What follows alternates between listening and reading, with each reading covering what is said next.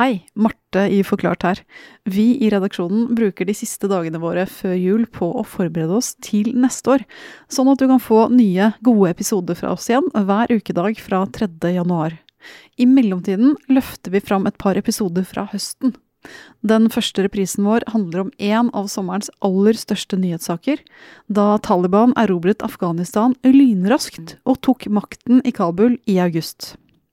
Aftenposten har besøkt Afghanistan etter at Taliban tok over, og dette er historien om hverdagen under det nye regimet.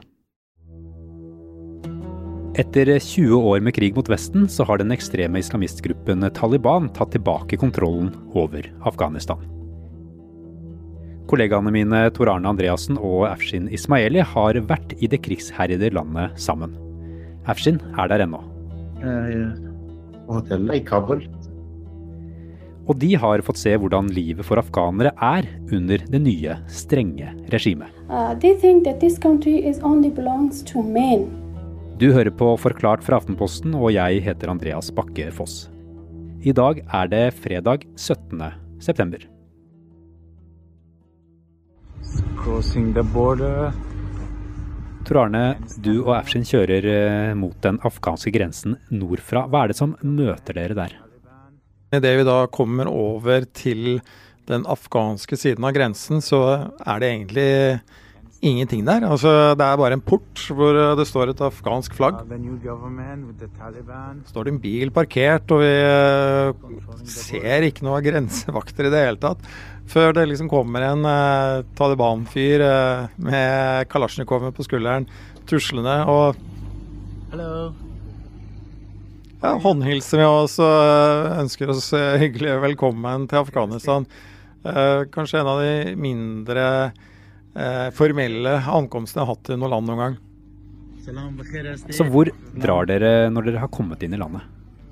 Ja, Idet vi er kommet inn i Afghanistan, så er jo dette på en fredag. Og vi tenker at eh, å komme oss til en moské for å være med på en fredagsbønn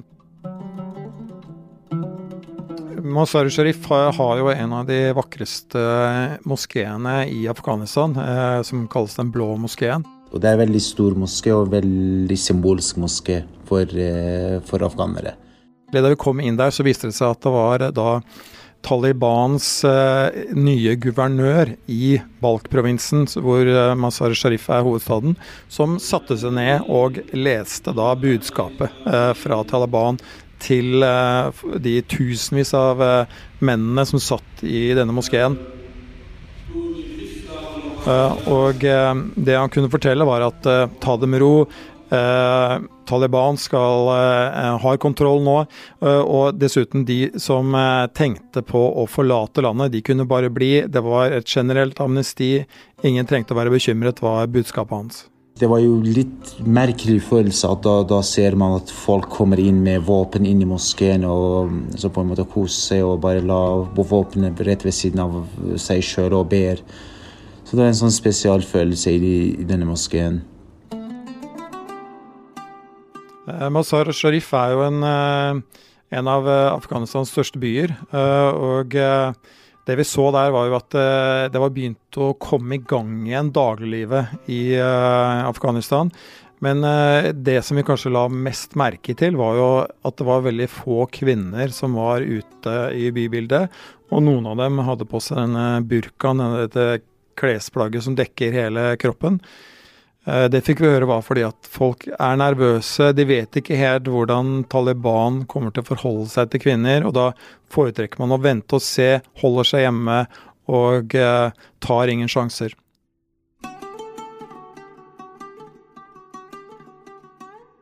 Og hvor går eh, turen videre, Tor Arne? Ja, altså Målet der vi kom oss inn i Afghanistan, det var å komme oss til Kabul. For det Kabul er jo byen der alt skjer. Eh, og Mansar Mazar Sharif var et eh, trinn på veien.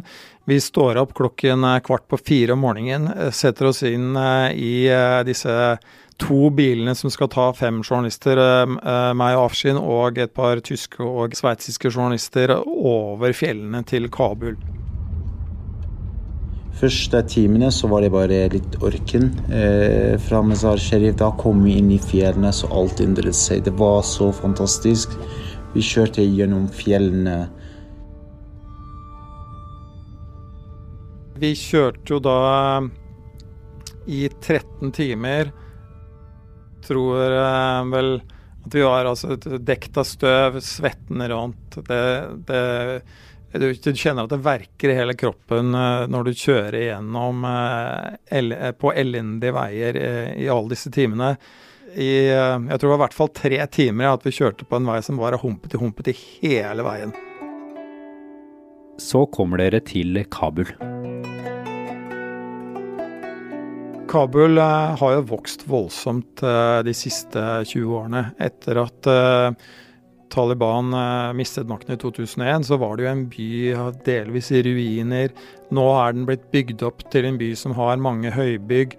Befolkningen er blitt mer enn doblet. Eh, jeg trodde at vi skulle sitte bumper til bumper i kø gjennom hele byen, men det viste seg at vi kom ganske raskt fram. Og det tror jeg er et resultat av at eh, det er lite aktivitet i byen. I hvert fall var det eh, for to uker siden.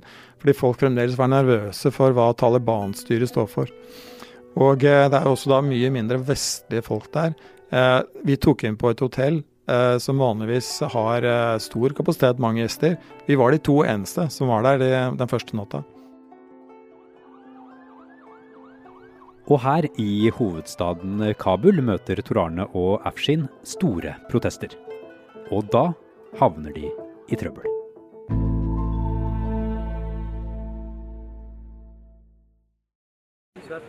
Torane, hvordan ser man at Taliban har kontrollen i Kabul? Man eh, ser jo godt at Kabul er eh, tatt over av Taliban ved at eh, det stadig vekk dukker opp patruljer med Taliban-soldater i disse kjøretøyene som de har knabba fra det gamle regimet. De, noen av dem har uniformer, andre har på seg disse tradisjonelle draktene som vi har sett på bilder og sånt tidligere.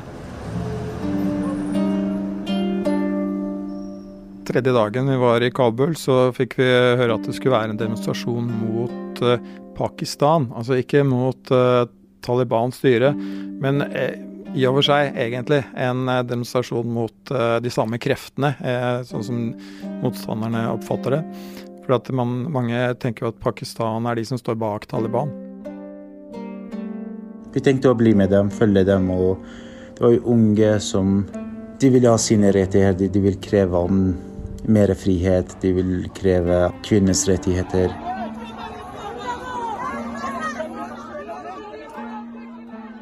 Og eh, det begynte veldig eh, stille og rolig, egentlig, med ganske få mennesker. Men det bygde seg opp etter hvert. Det var etter hvert 400-500 mennesker som marsjerte gjennom eh, gatene i Kabul, og som da ropte død over Pakistan. Noen av dem ropte da død over Taliban også.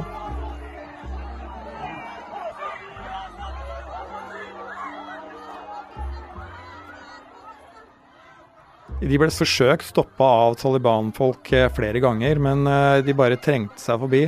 Ofte da med veldig modige kvinnelige demonstranter i front, som da bare liksom, gikk forbi. Og ignorerte disse Taliban-soldatene med kalasjnikover som sto og, og ofte sikta på dem.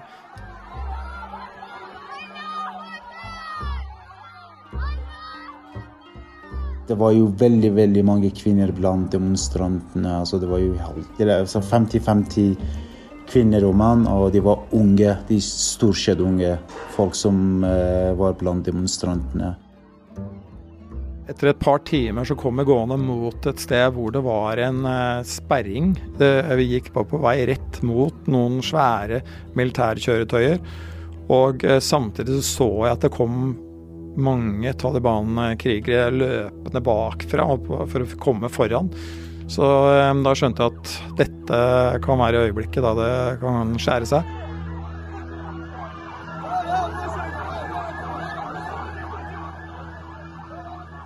Og da kom de første skuddene. Eh, og i løpet av noen sekunder så var det altså et kakafoni av eh, skudd. Jeg var litt bak da, så jeg hadde ikke mulighet til å se hvem som Altså, jeg skjønte hvem som skjøt, men jeg kunne ikke se i hvilken retning de skjøt. Så da Min eneste tanke da var å komme seg vekk. Eh, og, og, jeg så heldigvis en dør hvor det var åpent inn eh, mot det som viste seg å være et hotell. Og jeg bare smatt inn der.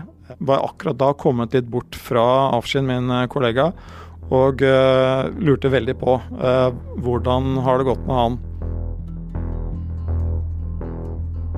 Jeg filmet eh, Jeg startet å filme eh, skytingen. Da de skjøt i lufta for å spre demonstrantene. Da så de i mitt kamera, så jeg var veldig veldig bekymret for kameraet. Så tok jeg helt Jeg bare sånn eh, dra kameraene eh, mot meg, slik jeg holdt dem hardt. Men da begynte de å rive kameraene fra hverandre, slå med AK-47. Så begynte de å slå bak i, i hodet. Så begynte jeg å rope på dem at jeg er journalist, eh, jeg er fra Norge. og så begynte de OK, nå er det nok. Da begynte jeg å rope veldig, veldig hardt. Da alle kunne høre, selv om det var veldig mye skyting. Så dro jeg sånn ca. 10-15 meter unna fra, fra de folkene. Så eh, da kom det en annen fyr og dra meg inn i et hus. Så de trodde at de er afghaner. Det var det de brukte egentlig. den uh, Argumenter. OK, du er jo afghaner. Uh, altså, jeg er ikke afghaner. Jeg begynte å prate engelsk hele tida med dem. Eh, selv om jeg kunne språket, så da, da var det lurest å bare prate engelsk med, med, med dem, slik at de er ikke blir For de var jo veldig, veldig voldelige mot afghanske journalister. Så havnet jeg i et rom der det kom en fyr at der her er eh, Haqqani-folkene tilhører til. Så ble jeg veldig, veldig ganske redd, faktisk. At, fordi vi hørte jo at Haqqani er eh, en sånn fyr som er kjent for brutalitet, terror og sånne ting. Jeg begynte å bli litt eh, bekymra. Da kom det en sånn fyr som kunne snakke engelsk. Han var jo veldig veldig greit, han, så han hentet vann og sånne greier til meg. og da ringte jeg til Tor Arne samtidig for å sjekke om det er greit med han òg. Og fortalte at jeg er her og jeg er blitt pågrepet eh, av Taliban. Men de sier at skal, jeg skal bli løslatt ganske snart. Eh, Så det var veldig, veldig deilig å, å forstå det. Men eh, tiden gikk og gikk, og så ingen kom. Og jeg bare satte meg for jeg sa, du, det, det er fem minutter, dere sier, men det har gått nesten to timer nå. Og så han ville jo snakke med min sjef. Så OK, hvem er din sjef? Han sa det er Store Haqqani. OK, le, absolutt. OK, så vi gikk inn, da så jeg Haqqani, og folk der, de var jo veldig, veldig hyggelige folk, faktisk. De, de la meg sitte sammen med Haqqani der. Så da sa jeg OK, nå er det rolig. Og spurte han Hakani med hvor jeg er fra. Da sa jeg fra Norge. Så OK, eh, Norge er min venn. Og da satt jeg sammen med han og forklarte til ham at eh, det, du, det, dette har skjedd. Det er, vi er journalister, og vi har blitt mishandla av talibaner. Han eh, beklaget, og han sa at de skal ta det med opp. Altså folk som har ansvar for dette her. Men eh, sånne demonstrasjoner som dere var på, hva slags effekt har de? De demonstrasjonene kan jo på sikt føre til at eh, folk tør å eh, vise at de ikke setter pris på at Taliban har tatt makten. Og det virker det som om Taliban oppfatter også at dette kan bli en trussel mot deres styre. Så de altså tillater det, tillot det til en viss grad, men når det etter deres mening gikk over streken, så tok jo ganske røffe midler i bruk for å stoppe det, med å skyte rett opp i lufta, hvilket jo kan være ganske farlig. Og eh, vi hørte at eh, de arresterer folk som er sentrale i å arrangere disse eh, demonstrasjonene. Og det kan virke som om Taliban nå forsøker å skremme befolkningen, for, eh, vise dem at eh, de tillater ikke at det skal oppstå situasjoner som går i retning av at Taliban mister kontrollen. Men hvordan er det med dagliglivet for folk flest i Afghanistan? Altså, eh, Taliban har jo tatt over et helt annet Afghanistan nå i 2021 enn det de gjorde i 1996 første gangen. Eh, det er blitt, eh, i hvert fall i byene, eh, veldig moderne. Eh, folk har mobiltelefoner, følger med på hva som skjer ute i verden mange, veldig mange afghanere har fått seg en ganske eh, omfattende utdanning. Så det nok, har nok vært smart av Taliban å påstå at de skal eh, ha et annet regime enn sist. At de skal tillate at kvinner skal få være en del av samfunnet. Men som du sier da, innenfor sharia, altså innenfor eh, hva islam tillater. Og det er der man har lurt på hva det egentlig betyr. Og eh, vi begynte å se tendensene til at det betyr at kvinner vil få begrensa rettigheter. Vi, på universitetene, eh, på de private universitetene som eh, da, til da hadde åpnet, så er det da kommet nye regler som tilsier at menn og kvinner skal holdes borte fra hverandre. Kvinner skal være i ett klasserom, menn skal være et annet. Kvinner skal eh, undervises av kvinner, og menn av menn. Og, og eh, de skal ikke ha noe med hverandre å gjøre utenom eh, utdanningstiden. I de mest påfallende tingene vi så, var at det var hengt opp et sånt forheng midt i et klasserom, for at man også da skulle skille kvinner og menn hvis, hvis man ikke hadde nok klasserom til å ha de i hvert sitt rom. Og Eh, dette er bare ett eksempel på ting som nå kommer, hvor vi ser at det kommer til å være eh, ting Taliban gjør som kommer til å være eh, en ulempe for kvinner i Afghanistan. De kvinnene dere snakket med der, hvordan opplevde de den utviklingen? Kvinnene de var sterkt bekymra. Uh, they think that this country is only belongs to men. Completely they want to remove women, but we are part of this society. Og uh, mange uttrykte at uh, deres framtid var ødelagt. Og de eh, visste jo ikke om de kunne få utnytte den utdanningen de var i ferd med å skaffe seg. Altså ville de eh, bli nekta å få jobber, eller ville de i mindre grad enn menn kunne få det? Eh, så de var fortvila. Eh, de eh, lurte på om de hadde en framtid, i hvert fall om de hadde en framtid sånn som de hadde sett for seg før Taliban tok over. Og eh, mange snakket om at Eh, hvis de fikk sjansen, så ville de reise ut av landet. Så alt i alt, Tor Arne, hvordan ser livet ut til å bli under Taliban for eh, folk i Kabul og resten av Afghanistan? Ja, Det er mye som tyder på at uh, det kommer til å bli et uh, liv med mindre penger, mer nød. Uh, at det kommer til å være vanskeligere for kvinner at uh, jenter kanskje får oppleve at uh, deres utdanning stopper raskere enn det de ellers ville gjort. Uh, og at de må forholde seg til et styre som bestemmes av noen få menn, som noen få eldre menn som er i dette presteveldet som vi ser kommer. Og at vanlige folk har liten innflytelse på hvordan den politikken utvikler seg.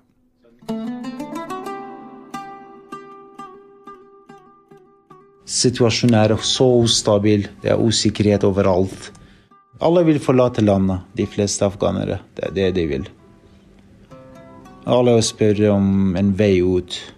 Foreløpig så venter de på den internasjonale flyvningen, at eh, flyplassen blir også åpen. Så de har jo en håp, men uh, her finnes ikke det håp blant afghanere. Særlig den eh, unge generasjonen og den nye generasjonen som har aldri hatt opplevd Taliban. Jeg ser jo kvinner går uten nikab eller liksom med vanlig hijab, som man ser jo alltid. Så foreløpig er greit, men folk er, det er usikkerheten som gjør folk veldig bekymret.